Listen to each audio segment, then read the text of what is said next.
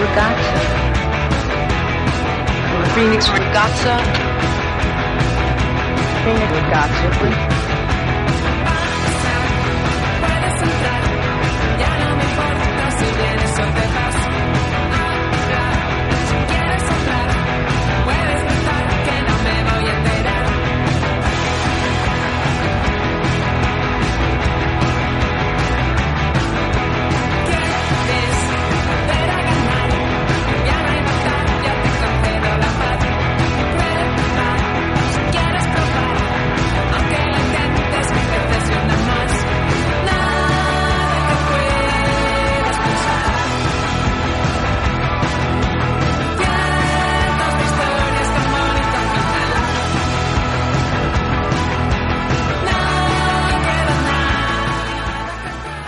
León eta ongi etorri Fenix Ragatza irratsaiora.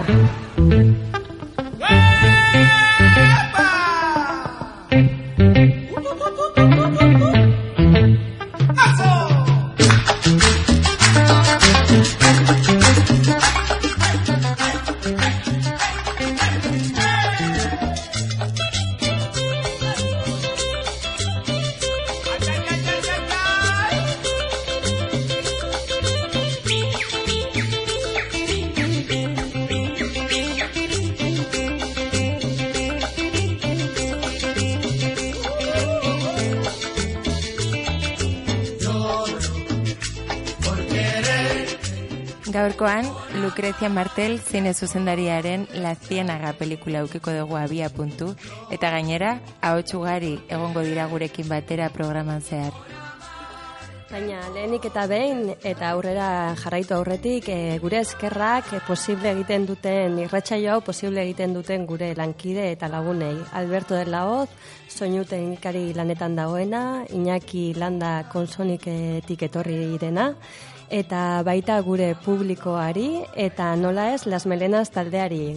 Jada gure programaren sintonia bilakatu den bere abestiarekin ja no me importa. Eskerrik asko guztiei.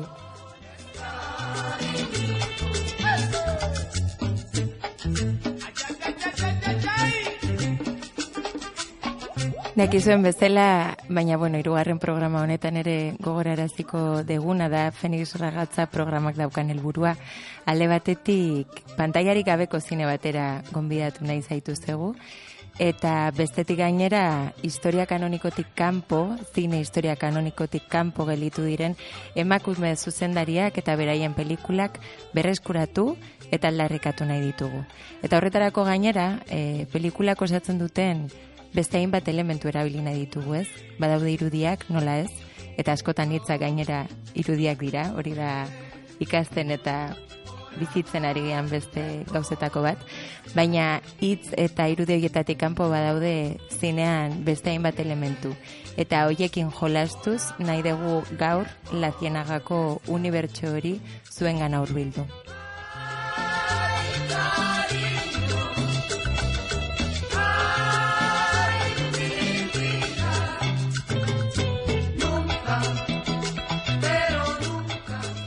Hala da, eta lurre aipatu bezala, gaurkoa gure hirugarren programa da, eta kizuen bezala irratsaio hau Litsi Borderen Born Influence pelikularekin hasi genuen, bigarren saioa Filipa Cesar artistaren Spill pelikulari e, dedikatu genion, eta gaurkoan Argentinara joango gara, e, Argentina iparraldera, hain zuzen ere, Lucrecia Martel zinemagilaren herrialdera e, bertako uda garaian girotzen den La Cienaga pelikulari buruz hitz egingo dugu. Beraz, gaurko programa honi jarri diezaiogun acento argentino pixka bat. ¿Por qué Ángel Aníbal? Porque son lo último que votan de la cantina.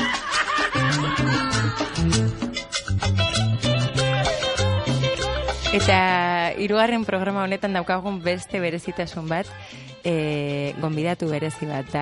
Maren González, izeneko laguna, zinegile, eta, bueno, azken aldian, ba, hainbat produkzio ezberdinetan ibili da baita zuzendari laguntza egisa, baina gainera, zinebi, zinegoak eta uruguaiko naziarteko film jaialdian lan egiten duen laguna.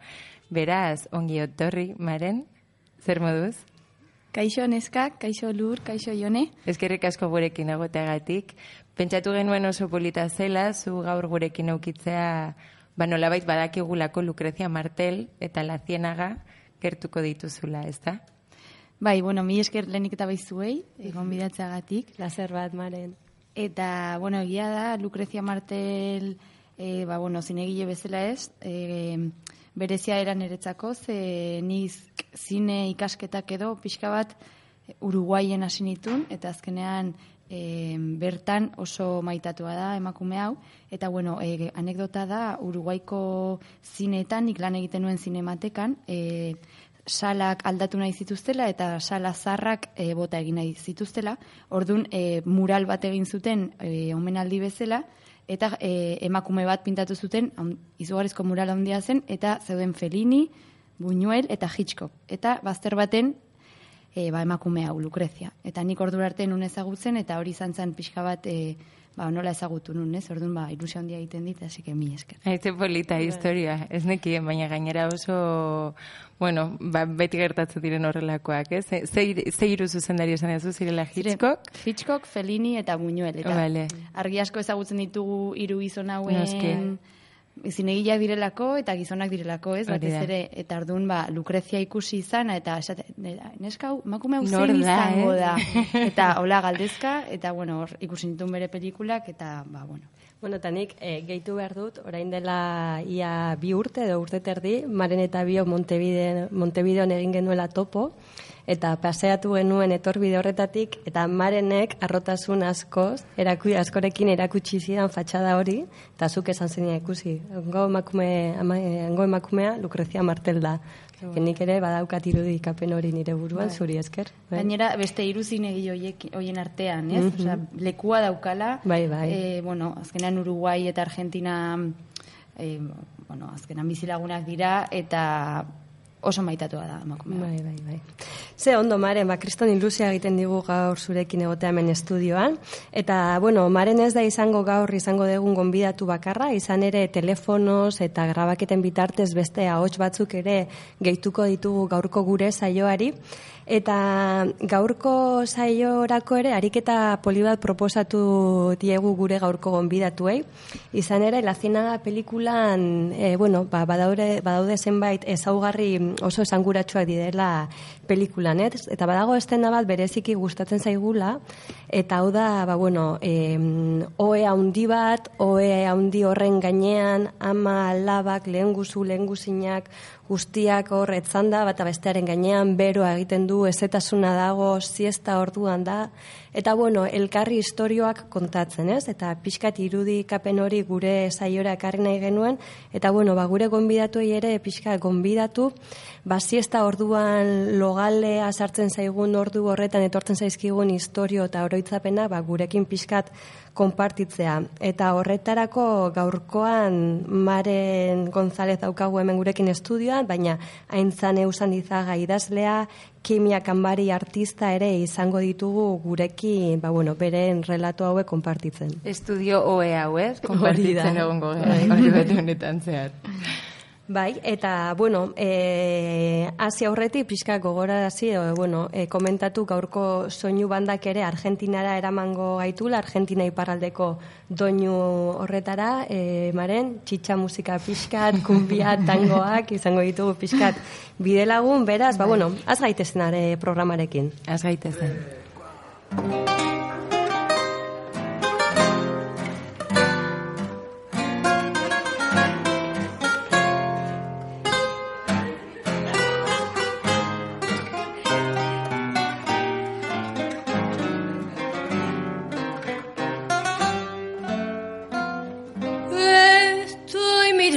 Mi vida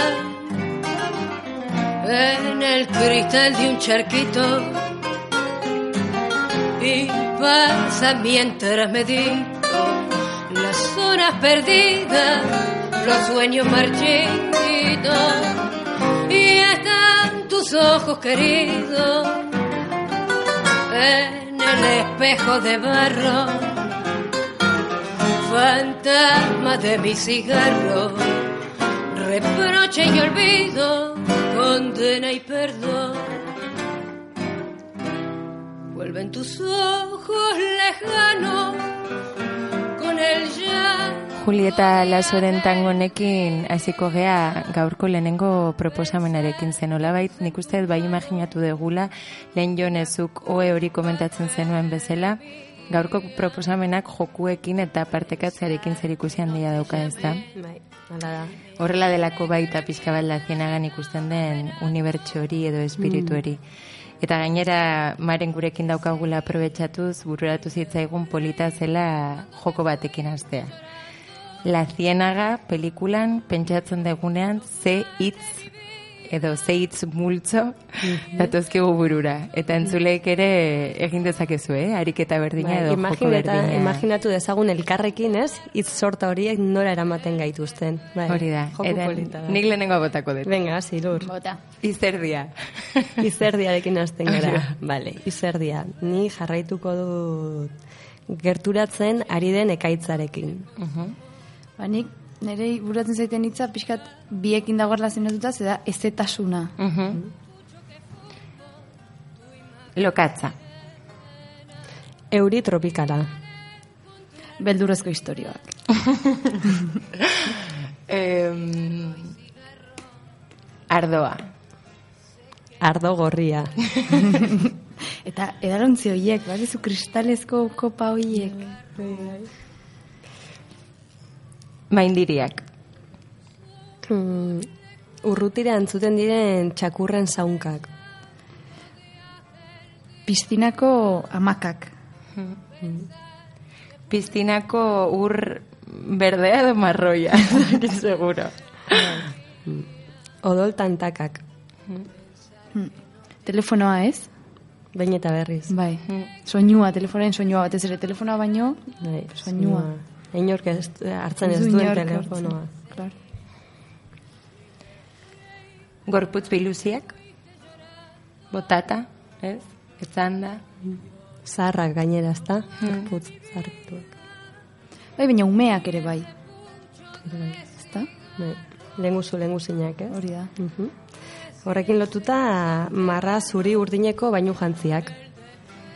Eguzkitako betaurrekoak. Bai, baina guzkirik ez. Baina guzkirik ez beti lainotuta, baina beti betaurreko horiek. Mm. Kable dun telebistak. Beti notizia bera ematen ari den gainera katai batez, entxufatua. Eta telefonoa berriro agian. Bueno, en eskamea. Agian, ez? Eh, azkenan gizarte horretan. Siesta ordua. Ziesta ordua. Eta agian oe horrekin bukatuko dugu jokoa. Eta oea. Eta oea, berriro. Vale. Oso ondo. Eta zer iruditzen orain jartzen badiogu benetako soinua hitz multzo honi?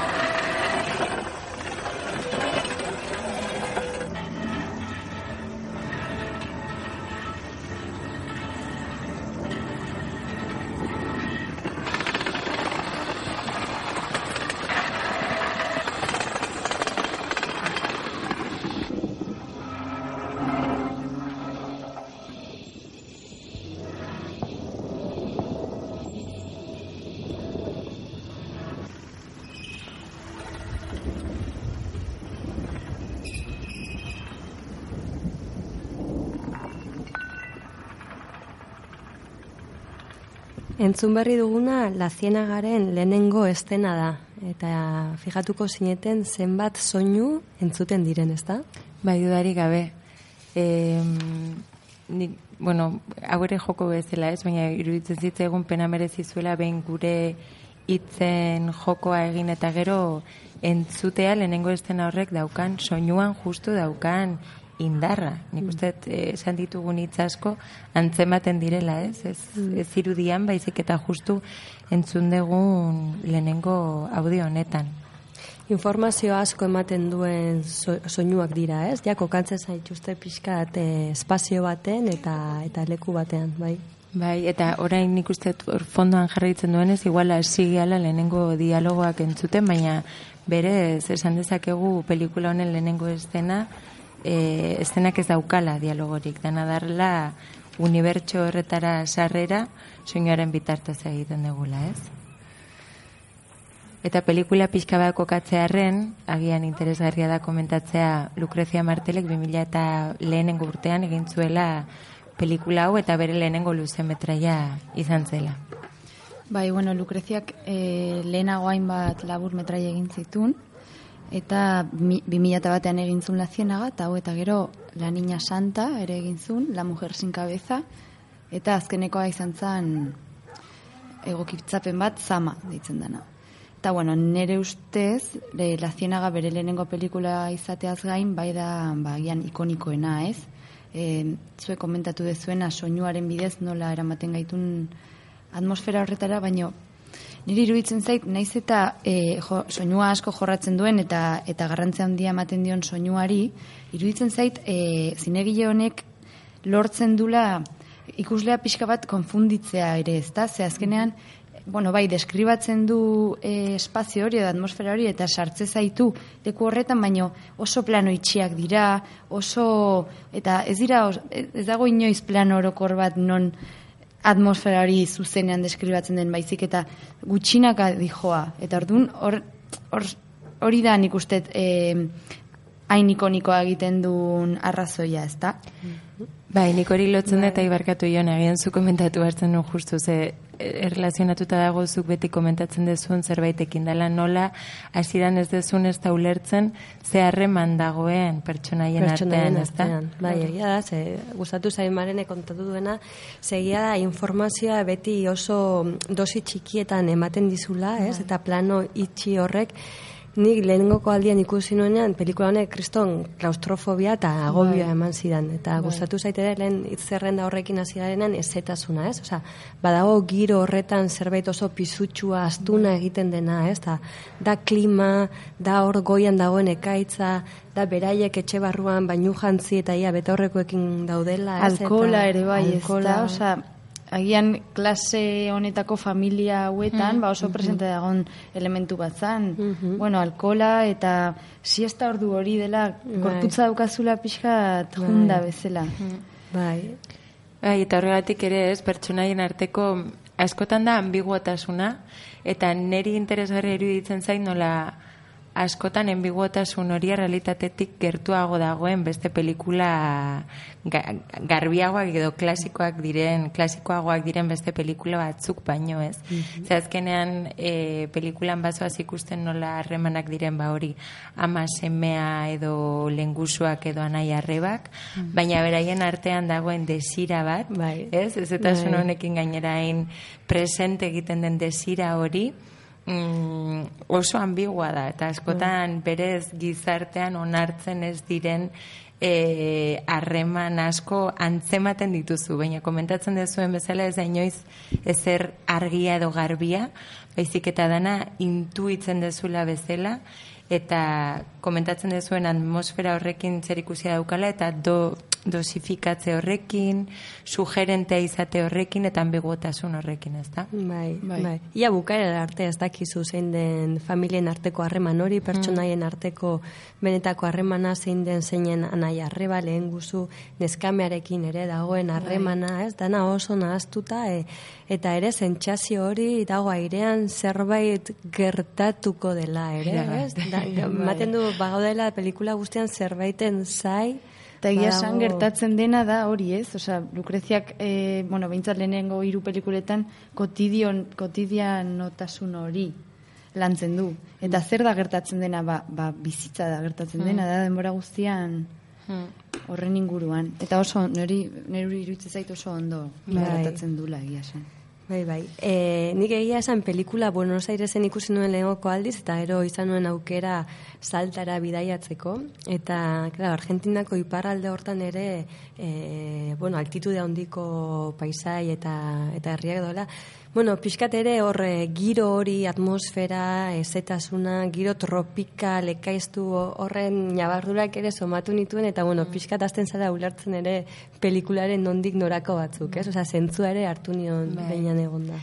Nik La Ciénaga lehenengo aldiz unibertsitatean nengoela ikusi nuen, oraindik oso presente daukat, Clara izeneko lagun batek gomendatu zidan nolabait berak urteak zeramatzan ja e, neko obsesionatuta soinuaren inguruan, ez horregatik nigia agian bai pista hori eukinuela ere pelikula lehenengo aldiz ikusteko garaian. Ja banekiela nolabait atentzioa soinuan bertan jarri behar nuela, ez? Baina hori polita baita nola gogoratzen deten la zienaga klarari esker. Ez? Hori lagunen arteko gomendio hauetan beti markatuta gelditzen diren historioak izaten dira. Bai, eta agian, e, bueno, ba, Likre- eh, Lukreziaren zinearekin gaudela eta e, ere polita izango zen jakitea zinemagile honi zelan eta noiz hasi zitzaion e, ba, zinema interesatzen, ez? E, askotan uste dugu, ba, bueno, zinemagileak bai jaio dira orako doain batekin, ba, bueno, zine egiteko, baina, bueno, Lukreziaren kasuan, bai da benetan interesgarria ez, bera nola hasi zen eta eta noiz zinea egiten. Orduan, entzun dezagun, mesedez, zelan zelan hasten dan Lucrecia zinea. Mi abuela materna cumplía ese rol que es muy necesario en, en los lugares donde se duerme la siesta, que es que alguien con algún relato, algún, alguna actividad, en general es un relato, eh, haga que la gente se quede quieta en la cama. Nada mejor que los cuentos horrorosos para que los niños se queden quietos en la cama, por lo menos un par de horas, porque todo el horror sucede, eh, aparte par- esto es interesante, sucede de día, no, no hace falta la noche para que aparezca el miedo. Y entonces son dos, tres horas entre las una de la tarde y las cuatro, donde son las horas más este, estremecedoras, ¿no? Por lo menos en mi familia era así. Este, esta función del relato de mi abuela era una función, era un relato que nos atrapaba, nos dejaba quietos en la cama y bueno, uno de los de lo que vos mencionaste era de la mano peluda, que es como un algo que hay debajo de la cama, que si uno se baja te va a agarrar los pies, es una mano peluda y, y eso hace que uno se quede en la cama y misteriosamente después de las 4 de la tarde esa mano peluda ya no existe más y ya uno puede bajarse de la cama, pero bueno, en fin, e- esa forma del lenguaje que va generando acciones, eh, a mí desde chica, me- y aparte por la relación que tenía con mi abuela, eh, me resultó fascinante. El relato oral tiene una ventaja sobre, sobre otro tipo de relatos que eh, permite una deriva, permite eh, hacer este, intervalos, que alguien se abre la puerta, tocaron el timbre y después se vuelve y hay que repetir y, y, de golpe se menciona algo que entonces nos lleva a otra narración. E- Esa deriva del relato oral eh, mm, la sentí o fui descubriendo, no sé, porque son cosas que tampoco uno se propone, ¿no? Son cosas con las que uno se cría y, y después te das cuenta que las amás. Eh, me, me parecieron que e- era una manera hipnótica de ir recorriendo un universo que se iba iluminando en la medida que el relato se, se desarrollaba, ¿no? Lucrecia Martelen hitz hauek e, 2018an entzuna izan genituen tabakaleran hor gonbidatu bat izan baitzen eta gaur programara ekarri nahi izan dugu oso era politean esplikatzen baitu berak nola izan zen zinean e, nun, nundik edo zergatik sartu zen ez da. Nik egia esan lehenengo aldi zentzu nuenean asko harritu ninduen. Jone, zu komentatu dezun bezala askotan pentsatzen degulako zinera, zinea ikusiz e, sartzen gehala eta kasu honetan mapatean amonaren historioak aipatzea eta tradizio oral horrekin e, ze harreman dagoen ta- tradizio oral horren eta zinearen artean ba, oso konexio interesgarria iruditu zitzaidan. Eta nolabait hori ere gure programara ekarri nahi izan dugu. Eta gainera komentatu dugun bezala gaur ariketak edo jokoak egin nahi izan ditugunez, gure gonbidatuei ere proposatu diegu e, tradizio oralarekin lotutako ariketa edo joko bat. Ea ze historio gogoratzen, gogoratzen ditugun nolabait ba, edo haurtzaroan kontatu dizkigutenak edo zerbaitengatik guregan markatuta gelditu direnak, ezta? Bai, e, ariketa polita iruditu zitzaigun eta gure gonbidatuei ariketa hau egiteko pista bat eman genion. Zala Lukreziak bera kontatzen duen e, e, historia bat, baina bueno, La Cienaga pelikulan. Orduan e, jarri gaitezen pixka danok estenan, e, siesta orduan gaude, e, piztina baten inguruan, e, lenguzu lenguzinak gara, e, gazteak, txikiak, danok elkarrekin gure flotadoreakin eta gure lenguzina batek honako historia hau kontatzen digu.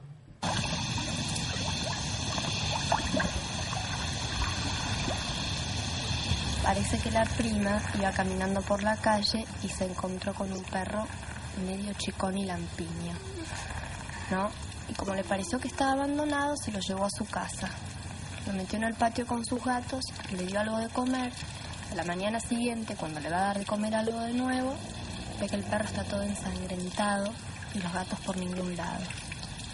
Lo agarra al perro, lo baña, lo seca y se lo lleva al veterinario que daba la vuelta de la casa y le dice al veterinario, mire doctor, yo no sé qué hacer con este perrito porque parece que se me ha comido todos los gatos. A ver señora, apóyelo en la camilla. El veterinario se da vuelta, agarra un hacha que tenía colgada en la pared lo parte al perro al medio. La señora se acerca y ve que tiene una cantidad increíble de dientes, como dos filas de dientes. El veterinario le dice, no es un perro, señora. Es una rata africana. Polita historia, ez da? Eta, Polita eta beldurra. eta beldurgarria, bai, bai, imaginatzea txakur zatar hori. Bai, bai, bai, bai, asko gustatzen zait zela, zelako entusiasmoekin, ez? Kontatzen duen zelako detaileak, ez? Argentinarrak ere daukaten hitz eh, jario horrekin, baina Era oso bat. historia. Baina da pixka bat hori Lucrezia Martelek berak e, bere amonari buruz kontatzen duena, ez? Osea, nola euki siesta garaian ume guztiak hor adi-adi eta benetan beldur puntu horrekin, ez? Bai, bai, bai. Eta zuk, Maren, badaukazu olako oroitzapen edo historiari goratzen dezula zure haurtzaro garaikoa? Bueno, bai, azkenean gure bueno, euskal kulturak ere badauka ahoza pasa diren e, narrazio guzti horiek, ez? Egu txikia ginenan ipuen pila kontatzen zizkiguten egia esan. Eta, bueno, nire amak, honek e, e, egian ez dauka eguneko esentzia hori, ze hau bai gogoratzen dut gauetan gogorat, e, kontatzen zidala, eta bai gauarekin jolasten dula historia honek, ze, bueno, zan bi anaien historia bat, eta kontatzen zigun, bueno, osoko lotura handia dauka gure kulturarekin, ze baserri baten inguruan zan, eta mm, kontua da, bi, bi anai hauek, e, bat helduena zen eta bestea gaztea, ez da? Orduan, gurasoak e, hil zirenean, gurasoak e, beraien aita, pelotaria zan, eta e, hil zirenean, bai ama eta bai aita, e, baserriarekin anaia zarrena gelditzen zan. Anaia zarrenak ere pelotan egiten zuen, baina oso txarra zan, eta gazteen aldiz oso ona zen pelotan. Eta beti egon zan, ba, enbidia kontu hau, ez da. Orduan, e, gau batean, bueno, arratsalde batean, anaia gazteena e, baserrira juntzan, ze azkenean bere erentziaren parte naizun, naiz eta bera etzan baserriarekin geldituko, e, bere, berari e, zego, zegokizkion gauzak hartu nahi zituen, eta bien artean zan, e, bueno, bere, behaien aitaren pelotari jantziak. Eta diskusio forte baten ondoren, e, ze, etzi, etzi, ezteko baten bate harreman nona, eta bar, eta, e, bueno, e, diskusio fuerte baten ondoren, anaia gaztenak baserritik alde egiten du, baino bere, e, bere anai zarrena e, enteratu gabe, aitaren pelotari trajea laportu egiten du. Orduan, e, karo, hori pekatua zan, zuk ume bati esaten diozuna hori da, ez da, lapurketa e, azkenean pekatu bada. Eta, e, bueno, anaia gazteena, baserritikan korrika ateratzen da, eta pekatu horrekin, azkenean bizkarrean daukan zama bada, zenola ba, lapurtu egindu, bere aitaren erentzia, lapurtu egindu, eta oso kulpa handi horrekin dijoa, ezta? Orduan, basotikan ja gau ez egintzan, eta basotikan zijoan bere, bere etxera edo, eta korrika hasi zen, eta korrika hasi zala, bat batean, e, ba, fsh, entzuten zuen. Eta hau izutzen hasi zen, eta bueno, jarraitzezun, gertzeta azkarrago, ba, ja, bai, behin ja korrika, eta fsh, eta fsh, demora guztian entzuten zuen, eta ai, ama hori suge bada, eta hori suge bada, zenik pekatu bat egin dut, e, lapurtu egin dut, eta hori suge bada, eta jan egingo nau, ze sugeak ere, bakizu ez konotazio daukanez, ba, horrelako ipuinetan, eta e, azkenean korrika, korrika izerdipatxetan etxera iritsi, atea danba itxi, etxe barruan gelditu, eta ikusi zuen nora, bere aitari lapurtutako traje horre, hori soinean zeraman, zezintzun e, eskutan eraman, orduan, gerrikoa, pelotariaren gerrikoa, askatuta e, omen zeraman, eta hori zan ostoekin soinua egiten zuen, e, ba, hori zea gerrikoa zan. Eta hori zan gure beldurrezko historia. Ba, txikitan, zan, bueno, Oso hemengo historia bat, eh? Baserria, bai, bai, pelotariak, bai, bai, Baina hori horrela konturatzen zera, da pixka Lucrezia bezala ez, bera nola hasten dan zinea ikusten, egiten baino gehiago zinea ikusten, berak, txikit, berak txikitan jaso ditun historia guzti horien bitartez, eta hori azkenan oso kulturala da, zinea, ba, ba hori, ba guk pelotariak ez gehan ez, ba zinea ite dugu. Bai, bai, Bai, bai. bai, bai, oso, oso interesgarri. Ze ondo, eta oso ondo kontatuta, eh, mare? No egon gara, hau Bai. Jari nintzen hor, nola egiten dut? Egia izango da, soinu hori. Lucreziak beste elkarrizketa batean berak erantzuten duna da e, edukia baino, berari oso garrantzitsua iruditzen zaiola eta bera, e, bera fijatzen denean, berari txikitan kontatzen zizkioten historietan, oso interesgarria dela eta oso garrantzitsua dela forman. Hori da. Pausak, e, ba hori soinua, baina batez ere pausa hoiek eta nola ez, nola aldatzen duen eta nola hartzen duen beste forma bat historia batek edo bestek, segun ze forma jartzen dio zinez eta edukia berdina izan. Hori da, Bai, lehen bai, komentatzen zuena ez, deribak, adibidez, edo nola hori e, telefono dei batek batean mozten zaitun. Hori da. Eta orduan gero berriro hasi bertzen Bai. kontatzen. Eta pausa edo- horrek ze garrantzia daukan, edo da. isilune horrek ze garrantzia daukan, hori Bai. oso garrantzitsua da Bai, berezinean. bai. Eta Ion ez zuze, animatuko altzea bat kontatzera. Mm, Bai, kontatuko dut bai, oroitzapen bat ez dela nerea zuzenean, baizik nire amaren oroitzapen bat, berak niri hainbat alditan kontatu didala, ja ia nire oroitzapen batean bilakatu dana. E, bueno, nire ama legutioko baserri baten e, jaio zen, araban, eta sortzi anai arreba zien. Eta beti kontatzen du, ba, bueno, baserria handia zala, eta zu bajua, ba, beko pixuan zegoela, eta logelak goian, ez? Eta beraien aitonak, ba, beti zaukala mania doitura bat, ba, beldurrezko historia kontatzeko zu ondoan egoten zinean umedanak, ba hori, adi-adi, ez, entzuten aitonaren historia, baina gero kriston beldurra izaten zutela goiko logelara joatera, ez, zutik urruti eta historia hori entzun, entzun ondoen. Eta bazegoen historia bat askotan errepikatzen zala, eta da, gizon baten historia, historioa bere etxean, bere etxeko egongelan, josten dagoela. Orduan, imaginatu garaiko gizon bat josten etxean, ez, artillarekin, gauero, egoten omen zan, ba, bueno, e, ba, bere gauza josten, euntzen, eta lako batean, katu beltz bat pasatzen da gizon honen aurretik, eta esaten dio arrotasun puntu batekin, gizona eta josten, eta gizonak esaten dio, eta katua, eta berbetan, Orduan, josten ari zen e, orratza hartu eta fuerteki indarrez jo, e, katuari botazion eta katuari begian jotzen dio. Orduan, katua korrika bertetzen da etxetik. Urrengoko unean, gizon hau kaletik doala, emakume bat ikusten du begia ondatuta eta olako orratz baten markarekin. Orduan, katua ote edo zorgina ote. Orduan, horren ostean, Juan Zaitxez goiko logelara lotara. Joten zena dana kristonikararekin. Eta gero, katu beltz bat ikusten bakoitzean, aber Claro, begia ondo daukan. Bai, bai, bai. Eta gero oso kuriosa da ere horrelako historioak daukaten indarra, Ze ez duzu bakarrik behin entzuten eta behin izutzen baizik eta behin eta berriro Bai, entzun bai, bai. eta beti ematen dizu beldurra bat, eta bai. beti Bai. dakizu bukaera baina berdin du.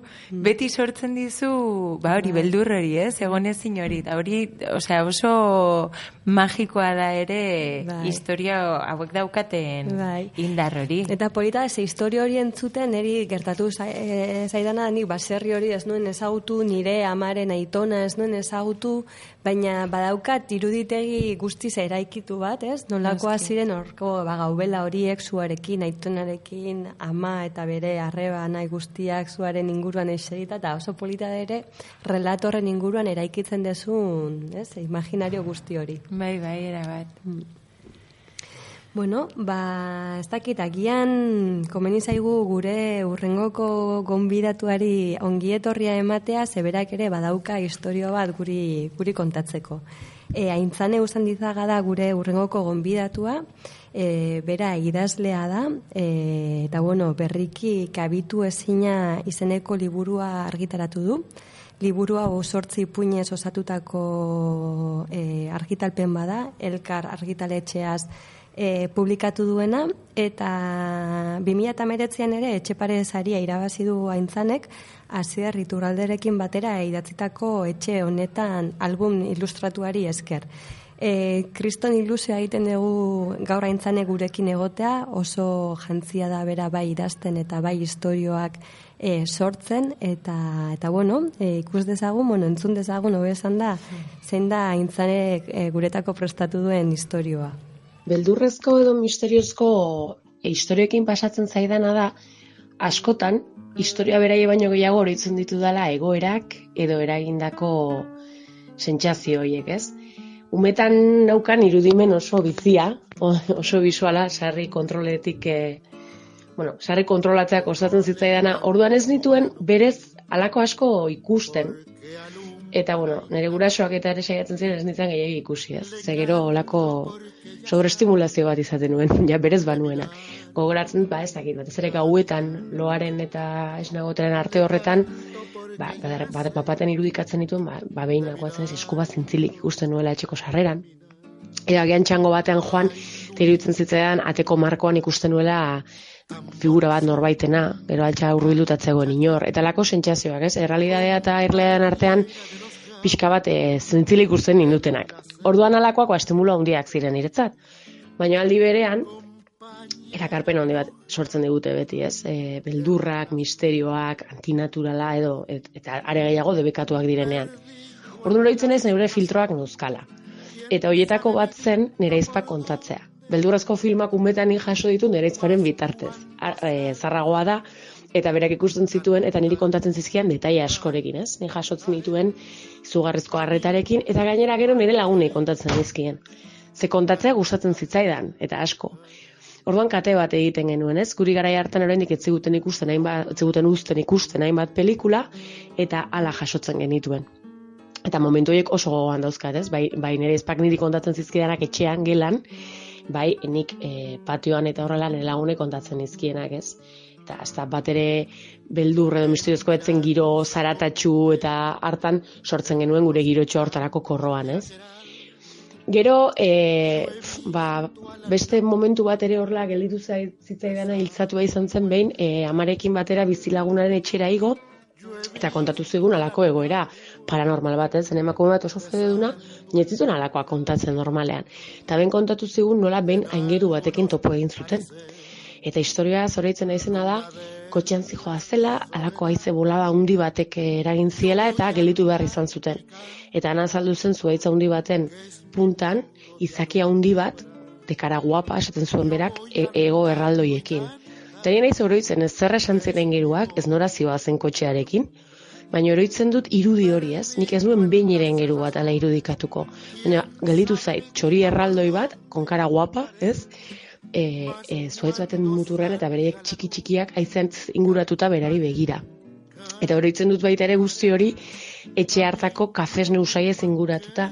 Ze etxe hartako kafesne usaia oso berezia zen. Etzen nire etxeko kafe usaia bezalakoa, ez? Orduan, irudi hori usai horri lotuta doa ja, ez? E, nire buruan. Eta eta alakoak ere udalekuetan ere oroitzen dut, ba, ba bel- beldur sorringauak egiten ziren eta 8 urte tola genuzkan, ez dakit gaur egun utziko luketen.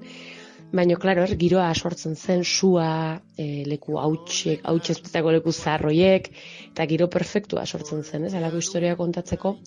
Eta gero badu, badute beldurrezko historiak taldean e, alako beste e, giro bat sortzearena, ez? Eta nik izaten nuen alako ardura bat disimulatzen, ez? E, en dutela beldurtzen, baina oso hiltzatu bat dut ere aitako historia batean nola kontatzen zen, ez? Emakume zahar bat, etzuela oso ondo ikusten, ekaitz handi baten erdian, etxean bakarrik, eta bere txakurrak miazkatzen zion eskua bera lasaitzeko. O hartu zen arte, batximista baten harria handiarekin eskua miazkatzen ziona etzela bere txakurra, ez? Baizik eta bere etxean sartu zen pertsona ez ezagun bat. Eta irudi hoien zirrara ere gelditzen zaizu pixka bat. Ero, nera bezaroan gainera, beldurrezko pelikulak ikusteak badu alako er, erritual iniziatikotik zerbait, ez? Ea, e, zenbat, e, zenbateraino ikusteko gaizaren, e, oroitzen dut bideokluban erartzen genitula, eta taldean ikusten genitun pelikula hauek, hor robeto eraman dezakeen, baina oroitzen dut neure buruan erabe bezala, zineko kartelena, eh, kartelenaren frentean esan ez, mesedez ez datela beldurrezko pelikula bat aukeratu. Ze gaur e- ez naiz gai sentitzen, ez? Eta eta beti beldur hori nora, noraino aguantatuko nuen eta gero buruan zenbat egunerako utziko zizkidan irudiak. Orduan ere neizpak lehenago ikusia bazuen eskatzen nion kontatzeko, e, horrela jakinez gero ze pasako zen pentsatuta hobeto eramango nuela. Baina sarri askoz handiagoa zen.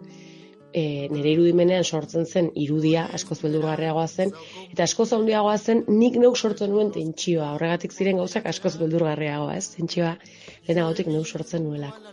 Baina badut alako bildumatxo bat, ez? E, e, sentsazio eta eta egoerekin e, beldurraren eta misteriotxuen e, gauza misteriotxuen ingurukoa. besando el cañaveral.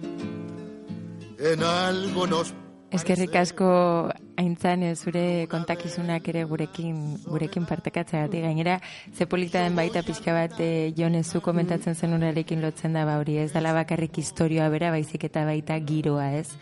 Aintzane kontatzen zuen kafe usai hori Mm, bai. su hoiek ez? Bai. gainera errepikatzen dira horrelako elementuak. Eta gero grazia handia egin dit baita beldurrezko pelikulena. Nik egia esan e, Ni, nire kasuan ez zan aizpazarra baizik eta neri nire amak beldurrezko pelikula pila kontatu dizkit. Bai, eh? Bai, pila bat e, komentatu genuenean hori kontakizunen ariketa hau egitearena nik ez ditut hain, hain presenteagian e, historioak, e, kontakizun oralak, baina bai adibidez hori ez, amak zenbat e, beldurrezko pelikula kontatu dizkidan. Eta mm, kasu batean gogoratzen naiz adibidez, labur kontatuko dizuet, baina behin amak pelikula bat kontatu eta kasu horretan txikia ginen gu ere, nik ez dakit zortzi bederatzi urte eukiko genitun gutxi gora bera, eta eskolarekin belodromora eraman gintuzten ba hori zinemaldia zela eta pelikula bat ikustera. Eta belodroman sartu, eta klaro, pantaila izugarri handia, eta batean hasi ginen pelikula ikusten, eta zan horrelako antikuario zar bat, eta saltzaile txinatar zar zar bat, eta batean ume bat sartzen dela leku horretan eta aurkitzen duela, eta ni batean konturatu nintzen, Gremlins pelikula zala. eta nik ez neukan ikusita, baina banekien hori zela, eta kontatua. ama kontatuta, eta ordan, klaro, osea, ja, eh, lehenengo estena hori ikusi, eta kriston beldurra neukan eta ez nuen pelikula hori ikusi nahi. Dagoeneko nolabait amaren hitzen bitartez ikusita neukalako ja ez. Eta horiek izan dira neri gehien markatuta gelditu zaizkidan kontakizunak, pelikulak beraiek. Ja. Bai, Zure bai. amak egin zizun spoilerra. Bai. Gero nik baten bat itzuli nion, horrein goratzen naiz baita, el sexto sentido horrelakoren bat, ez Claro. claro. menen, utzi kontatzen, mesedez. Ze, plazera handia ematen du baita Bai. pelikulak elkarri Kontatzea. kontatzeak. Bai, egia da. Eta gero historiak ere entzutea, ez? Besteen historia, guk hemen Bai. be kontatzen gaitzen bitartean, ez? Hor, eh, oso, oso adigaz, ez? Bai. Polita da ere historia hori, bai, entzutea. Bai. Bai. Bai, bai. Hmm, Eta niri adibidez Lukreziaren zinearen beste ezaugarri bat, e, beti iruditu zait, e, berak egiten duen zinema oso literarioa dela, ez? Ere ematen duela, osea, eskusa polita dela berak tratatzen dituen bai soinu eta irudiak hitzez bitartez, bueno, e, itzultzera, ez? Adi, agian itzulpen ariketa hori e, egiteko eskusa, eskusa polita dela. E, nik hori, e, Lucreziaren peli, pelikula hau e, aurkitu nuenean, aldi berean eta bizi nintzen Buenos Aireseko apartamentu berean, banaukan oso opari polit bazala liburutegi bat, eta na apal ezberdinekin eta liburuz josia, eta bertan zelba almadaren liburuak e, zazen.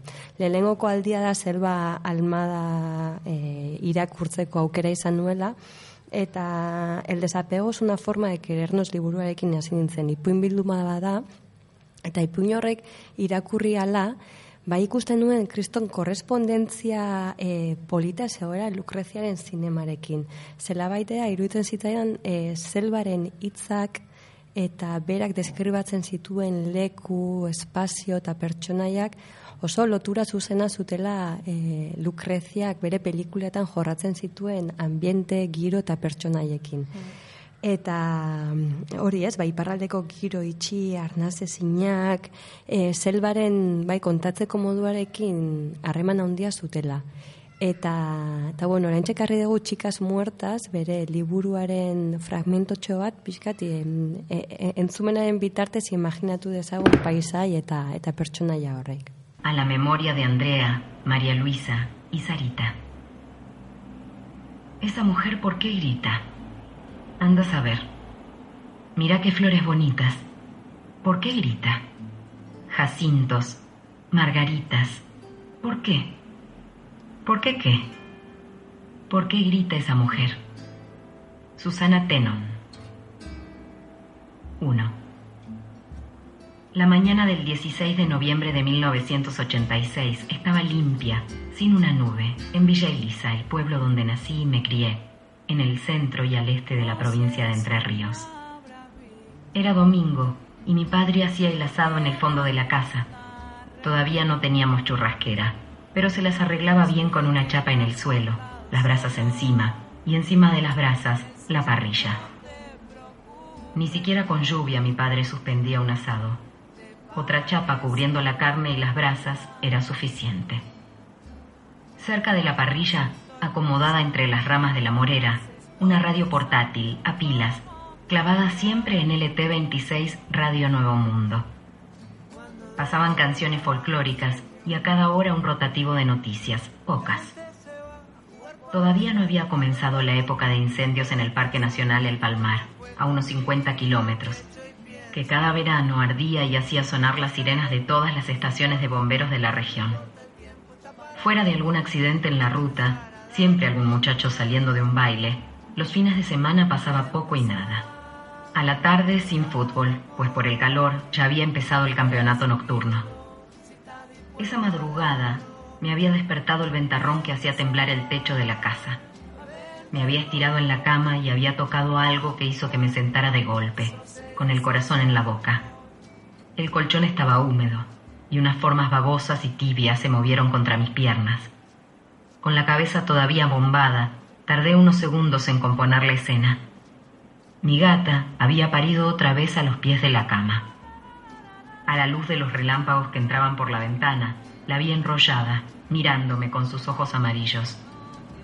Me hice un bollito, abrazándome las rodillas, para no volver a tocarlos. En la cama de al lado, mi hermana dormía.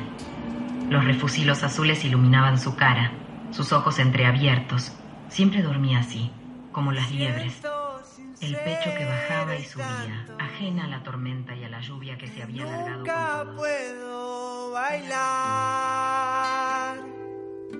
cuando no Selva Almaderen txikas muertasen zatitxo bat, ekarri nahi izan dugu jone komentatu duen bezala, ba, unibertso horretara gehiago gerturatzeko. Txikas muertas pelikulak berak programa oso bat mereziko luke da. Benetan pena merezi duen liburua da. E, fikzioa eta errealitatearen artean badago horri kerketa haundi bat eginda e, hil zituzten e, neska neskatxa eta emakume batzuen inguruan eta pixka bat entzuteko aukera izan degun bezala Basel Balmadak ne, ikerketa benetako ikerketa sakon hau nolabait gero ba bere hitzen bitartez eta deskribapenen bitartez bilakatzen du historio, ez? Mhm. Baina benetan gomendagarria dela liburu hau, Chicas Muertas. Lehen komentatu dugun 2018 urtean e, Lucrecia Martel tabakalean ikusteko aukera izan genuen aldi berean, Selva Almadak ere e, donostira egin zuen bisita bat. Kasu horretan, 2018 urtean Lucrecia Martelek bere azken pelikula egin zuen, marene komentatu duen Zama, Eta Selva Almada bera, e, Zamaren filmaketara hurbildu zen, kasu honetan bere hitzen bitartez, pixka bat e, filmaketaren inguruan gertatzen ziren gauza kontatzeko helburuarekin, ez? E, ez bakarrik orain askotan badirudi making of edo izen bat jarri bartzaiola horrelako filmaketa baten inguruan egiten den dokumentazioari, baina sorkuntza lanak beraiek izan daitezke eta hau da kaso hoietako bat, ezta? Notas del rodaje de Zama de Lucrecia Martel izena dauka. Bai, gainera, e, bueno, Selva Almadak ere komentatzen du, ez, liburuan ze erlazio daukan Lucreziarekin, eta ze asko ezagutzen dira, eta zuk jone komentatu bezun bezala, oso garrantzitsua iruditzen zain, eri liburu oso motza da, da rodajaren bitakora bat, moduan, Eta e, berak daukan, berak idazteko daukan modu hori ez, deskribapen hoiek, nola xeretazun guztiak e, kontatzen ditun, eta nola eramaten zaitun benetan atmosfera horretara. Nik, e, bueno, baduela egun batzuk errepasatu egin un liburua, eta gertu nintzen e, pasarte batekin asko gustatzen zaidana, azkenean hitz oso gutxirekin edo pare bat esalditan, ba, e, gauza asko kontatzeko gai delako. Irakurri egingo dut. Bai, bai. Meses después del fin de rodaje, una de las primeras mujeres com en presentarse al casting va a morir, dejando huérfanos a dos nenes y a un, y a un chico adolescente que actuaron en la película. El muchacho, tras la muerte de su madre, irá preso por degollar al vecino.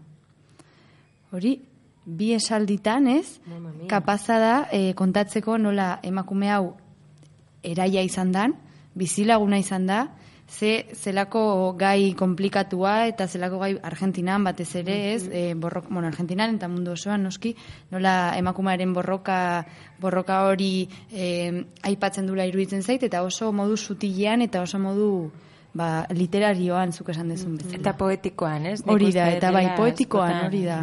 Ze, oso, hitz, oso ondo aukeratutako hitzekin sortzen ditun esaldiak, eta nola kombinatzen ditun esaldi horiek, eta nola sortzen duen, nola eraikitzen duen berak relatua da oso modu elegantea eta eta fina. Bai, bai.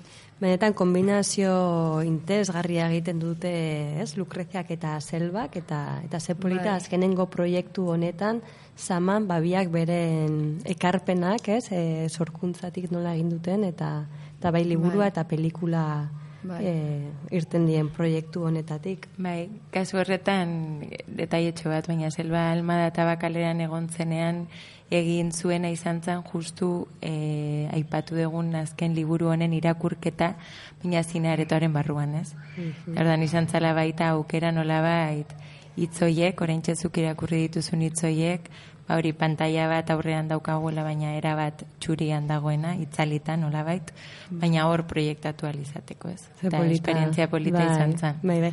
Gainera, Selva Almada, bera, Entre Rios provintziakoa da, e, Argentina iparraldean, saltatik ez oso urruti, eta nik uste dut, ba, bi emakumezko hauek ere, ba, bai, konpartitzen dutela zela bait, e, olako imaginario Espazio. bat, ez? Bai, eske oso kutsu nabarmena daukate iparraldeko provintzia horiek, eta E, gero pelikulan ere agertzen den estena batera narama pixkat e, e, pentsamendu honek, ez? E, Mm. e, pelikulako lan momentu nahiko ez dakit, eh, komiko edo, edo bai rifartxu bat dator e, agerpen bat ama virginaren agerpena ematen denean, ez? Hor e, bizi diran e, la zienaga herriskan, ba, bueno, nolabait agertzen da ama virgina bat, gainera oso toki konkretu batean, ez? Dala, etxe bizitzako teiatuaren ur deposito gainean. Ba, bueno, nahiko estena komikoa da, eta bueno, gaina ikusi dutenak, ba, oso flasheatuta geratzen dira, ez? Eta egia da, ba, sinismen hauek ere, iparraldeko provintzia horretan, Txako, Formosa, Jujuy, Saltan, ez?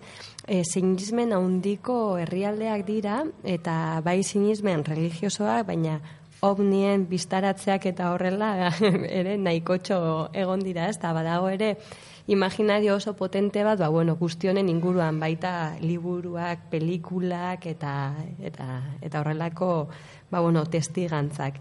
Eta uste Lucrezia berari ere gertatu zitzaiola horrelako zerbait txikia zenean. Entzun dezagun sekundatzen duen. Por ejemplo, en la Ciénaga, cuando pasa lo de la Virgen, para mí la, la experiencia religiosa también debería de eh, desestabilizar nuestra eh, visión domesticada sobre el mundo. Yo me acuerdo cuando en esos, en esos tiempos, por los 2000, por ahí, eh, en Salta, se aparece todo el tiempo la Virgen, Cristo, en un bife, en una bombita de luz, en un tanque de agua, en, o sea, la presencia de lo divino es permanente en una ciudad de un este, racismo y de una, de una naturalización del racismo increíble, hay una permanente presencia de lo divino que no modifica nada.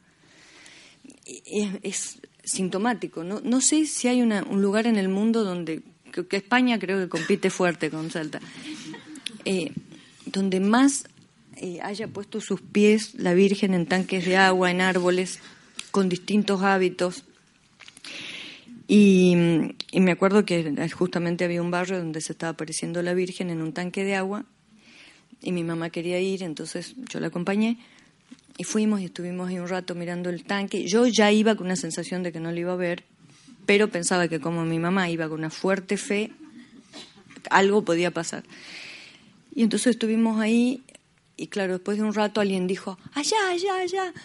Y uno empieza, y, empieza a necesitar precisión. ¿Dónde? ¿Dónde? Donde el caño se mete. Entonces como que la Virgen era algo chiquito y de repente alguien dice algo y no, te das cuenta que la Virgen es enorme y debe estar... Y estamos ahí en esa situación y mi mamá se, de repente dice, sí, sí, se arrodilla y se pone a llorar.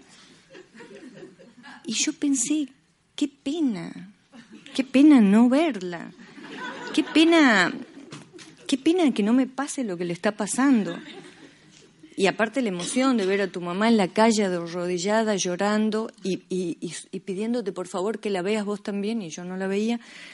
Y entonces, como no quería decirle que no la veía, eh, le dije, un poco la veo. Como después me pidió como más detalle de qué era lo que veía, un poco el manto, poco vi la Virgen. Y hay muchas frases en la ciénaga que son de ese día y de las cosas que dijo mi mamá que eran muy graciosas, como por ejemplo una que está en la ciénaga que dijo, no, la fue a ver Sara, que era una vecina nuestra que era judía, y dijo, y Sara la vio, y son judíos. Como diciendo, si la ven los judíos, ¿cómo no la van a ver los Y aparte dijo, y los judíos no creen en cualquier cosa. Como que los cristianos, los católicos éramos más este, fantasiosos.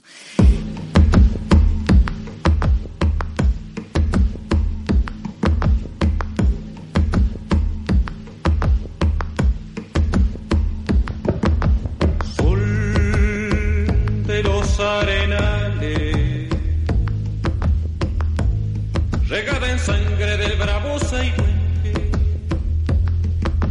grito que está volviendo en tu desbocado, otro pehuenche en tu desbocado, otro pehuenche.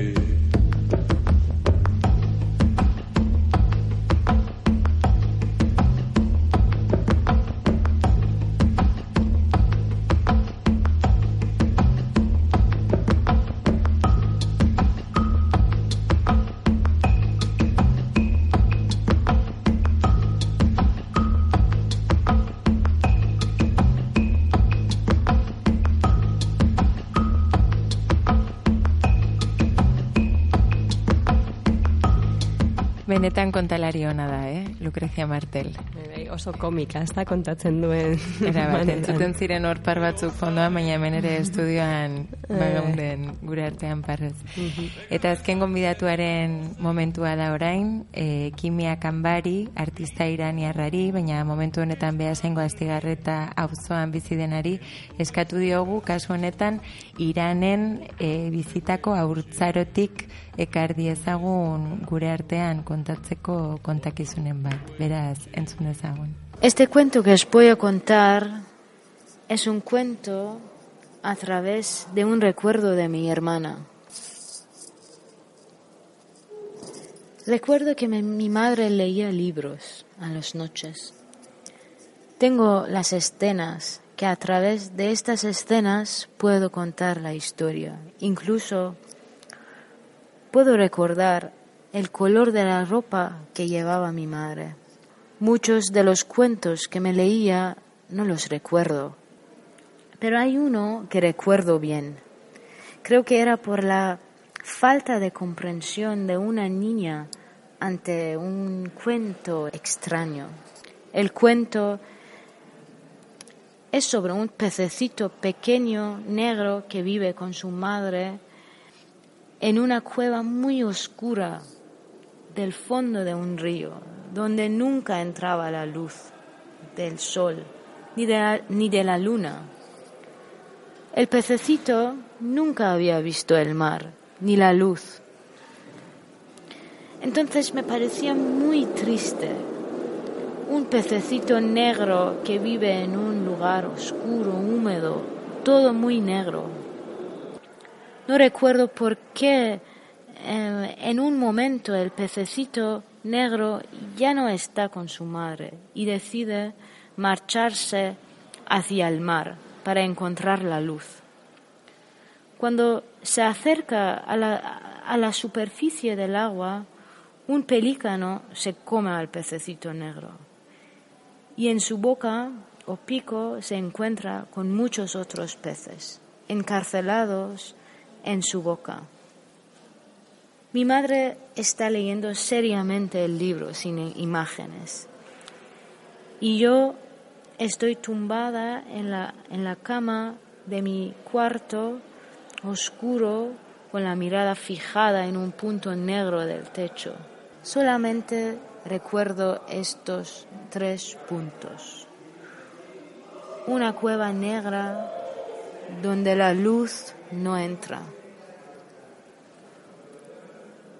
Un pececito negro que huye hacia el mar y el pececito negro atrapado en la boca del pelícano, salvando a todos y muriendo. El cuento termina aquí. Mi madre cierra el libro y me dice, el pececito negro era muy sacrificado y sale del cuarto. Yo me quedo sola en la habitación oscura y no entiendo nada de por qué muere el pececito negro y pienso que no me gusta este cuento. Probablemente es por ello que lo recuerdo. Eskerrik asko kimia, benetan gurekin zure iraneko aurtzaroko historia hau partekatzeagatik. Eta dagoeneko amaiera emango diogu gaurko programari. Uste dut polita izan dela, ez? Argentinatik, Uruguaira, Uruguaitik, Iranera ere, adibidez. Donosti eta baserrietatik pasatu ondoren, ez da? Hori da. Velodromoa, baserria, legutio. Baina bai, oso ariketa polita izan da proposatu deguna, ez? Maren, zuzer modu ze Bai, sentitu zara? bai, esan oso berezia izan da niretzako, ze lukrezia asko maite dut, eta eman dizkit gogoak gaur gauean egiteko maratoi bat. Hain ze ondo. Beraz, ba, mila esker. Gonbidatu gu, gu ere. Maratoi hori. Noski. Me, bueno, ustot, ariketa ezela polita izan da Lukreziaren zinemara, ba, bueno, beste ikuspuntu batetik hurbildu garelako, ez? Beste, beste toki batzuetatik. Hori da, dudari gabe. Aurreko programetan bezala esperimentatzen eta jolasten jarraitzen dugu. Eta eskerrik asko entzule guztiei baita gure joko hau onartu eta gurekin batera gozatzeagatik. Hori da. Eta, bueno, ba, guazen pelikulako az, eh, azken estena batekin programa agurtzera, eta, eta bueno, hau ja gure hirugarren saioa, eta datorren hilabetean Margeri Duran inguruko eh, irratsaio berezia egingo dugu, orduan bertan entzungo gara berriz ere. Hori da, bukatu horretik, eskerrak Alberto de la Ozi, eh, Iñaki Landari, Maren González, Aintzane, Aintzane eta Kimiari, eta urrengor arte. Mila esker. Mila esker neskak. Agur. Los que son organizados son los curas estos. Ah, sí, sí. Dejan todo tirado. Vos sabés que ya he recibido las listas con todos los útiles que necesitan los chicos para la escuela, ¿no? Hasta hilo plástico me han pedido. Digo yo, ¿qué se puede aprender con hilo plástico? Nada. Decime, ¿quieres tomar algo? No. Alito fresco, una cosita con hielo, algo. No. Bueno, sí, eh, sí, algo fresquito, un poco de hielo. Mamina. Mamina. Mamina. Tráete algo fresquito para tomar, mamina. ¿eh? Unos vasitos, un poco de hielo. Vinito tráete. Bueno. La que se fue a Bolivia a comprar los útiles fue la Teresa. Se fue para allá, compró todo lo necesario por dos pesos, trajo desde zapatillas hasta lápices. Decime, Tali, ¿por qué no nos hacemos una escapadita? Un viajecito a Bolivia las dos. ¿Para comprar? Sí, podría ser, ¿no? Sí, ¿no? Sí, le preguntamos a la Teresa dónde paró, en qué hotel y ella trajo de todo.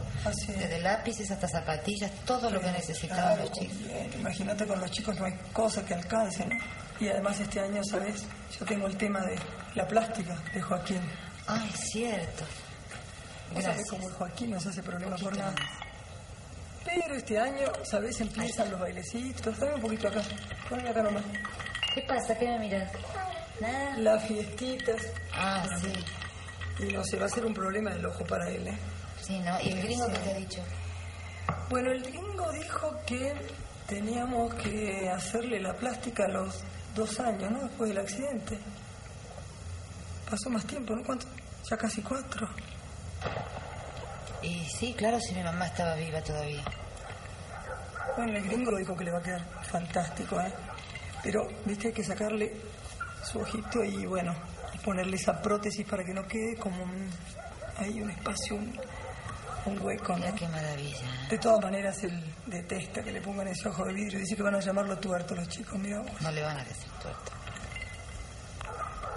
El jueves lo tengo que llevar a Luchi para que lo vea el dentista porque le ha salido acá, en el paladar, un diente de más. Sí, claro. ¡Ay, esta chica! mm, cada día más bonita. Mira lo ¿Eh? que es el pelo puro nudo. Es un pelo finito, sí, tiene como una cerita. Mira qué bonito. Mm, Tali, arregló para irnos este fin de semana a Bolivia. Sí, estaba pensando en ir a Bolivia a ver si compramos los útiles para el colegio. ¿Ya? los chicos del cerro están en la pileta. Ah, bueno, listo. ¿Nos podrías dejar unos días más, Tali, eh? Sí, mi amor, sí, yo no tengo ningún problema. Ay, qué lindo, sí, prendamos, prendamos. Pero el problema es Rafael, que se pone insoportable cuando los chicos no están, no tiene con quién conversar. Despacito, mi Y amor. volvemos antes del fin de semana. ¿Por qué no se vienen ustedes a la casa y de paso la mamá descansa? Vos no te preocupes, yo no lo siento. ¿A quién vas a sentir si estás todo el día en cama? Cállate, bochinita inmunda. China, ¿es tuyo, mami? Dice Tali que vamos a ir a Bolivia a comprar las cosas del colegio. Le podríamos pedir el auto a Rafael, ¿no? Bueno, no importa, en algo iremos, no te Sí, preocupes. Mariana. Ah, era José. Qué hermosura de hijo que tenés, Mecha. Mientras que no salga el padre. O sea, ¿a dónde vas? ¿Has ido a la Virgen? A bailar. ¿A la Virgen? Ojalá hubiera tenido tiempo. No, no he podido, no. La Teresa fue. Salí, Mariana, va. Ah, dice que es una cosa increíble. Volvió tan cambiada, tan cambiada. Me ha llamado llorando por teléfono. Le digo, ¿qué te pasa, hija? Me dice, ay, Tali. Hay que estar ahí para saber lo que se siente. Y bueno, la Teresa con tal de estar en todos lados. ¿no? Ah, sí, ella con tal de estar en todos lados. Ella fue los primeros días cuando se la veía bien, bien, bien, bien. Un mundo de gente, dice que no cabía ni un alfiler, pero como es la Teresa que arremete, despacito, despacito, fue empujando, empujando hasta que llega justo, justo frente a la casita y justo en el tanque la ve. Me dice, Tali, Era la Virgen del Carmen con el escapulario, con el manto, igual que en las estampitas. Y la mujer del ingeniero Maure, vos la conocés. Bueno, ella ha visto a la Virgen del Perpetuo Socorro, con el niño, con los ángeles custodios, y eso que ella es judía, ¿eh? Así que es para creer, porque los judíos no son de andar viendo cualquier cosa. Ah, sí, sí. Y sí, porque cada uno ve lo que puede. Bueno, a mí me han dicho que apareció uno, ¿no? Con el manto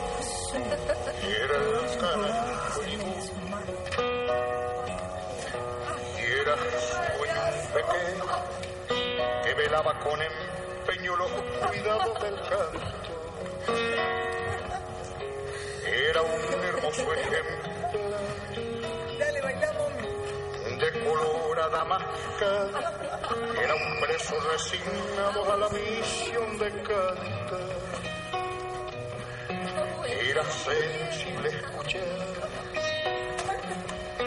De su garganta sonora la nota grave que llora en un constante llorar.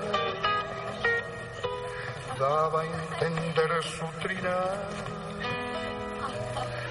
De que una angustia sufría.